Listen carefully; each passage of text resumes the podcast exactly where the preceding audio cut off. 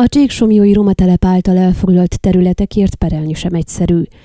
Sem építkezési engedéllyel, sem a területek tulajdonosainak beleegyezésével nem rendelkeznek a Csíksomjói Roma telepen felhúzott épületekben lakók. A törvénytelenség megszüntetése és a terület felszabadítása érdekében csak a telek tulajdonosok indíthatnak bírósági eljárást, de ez nem egyszerű.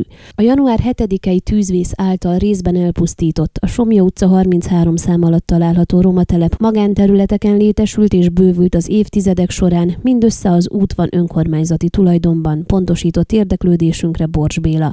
Csíkszereda alpolgármestere elmondta, a telep területe tulajdonviszonyok szempontjából is két részre osztható, mivel ha a Somja utca irányából nézzük, az út jobb oldalán lévő telkek több magánszemély tulajdonát képezik, ezeket visszaszolgáltatták és tulajdonosaik adóznak is utánuk.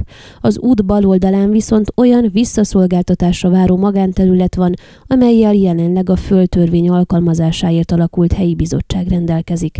Azért Azért van így, mert erre még nem érkezett igénylés, illetve olyan telkek helyett adható vissza az igénylés alapján, amelyeket időközben beépítettek, például tömbházakkal vázolta az előjáró.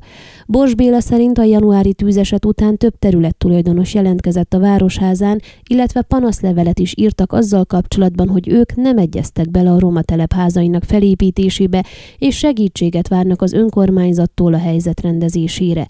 Ebben viszont a város nem segíthet, csak tájékoztatást adhat.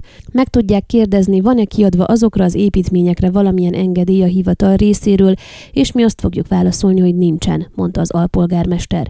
Mint hozzátette, a törvénytelenül elfoglalt területek helyzetének rendezése és az építmények lebontása érdekében csak a tulajdonosok fordulhatnak bírósághoz, viszont számos tényező nehezíti a jogérvényesítést.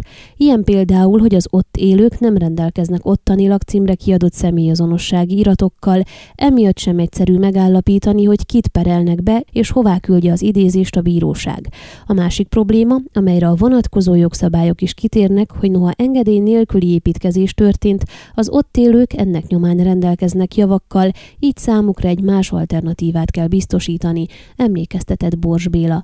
A január 7-én este egy túlhevült kájha miatt keletkezett tűzvészben a telepen 20 ház vált a lángok martalékává, akkor az ott lakók közül 252 szemét ideiglenesen az Erős Zsolt arénában helyeztek el a helyi hatóságok. Azóta 138-an visszaköltöztek a telepre, az éppen maradt házakba vagy befogadókhoz, 123 személy maradt az Erős Zsolt arénában, az ő elhelyezésükről a helyi önkormányzatnak kell gondoskodnia. Ön a Székelyhon aktuális podcastjét hallgatta. Amennyiben nem akar lemaradni a régió életéről a jövőben sem, akkor iratkozzon fel a csatornára, vagy keresse podcast műsorainkat a székelyhon.pro portálon.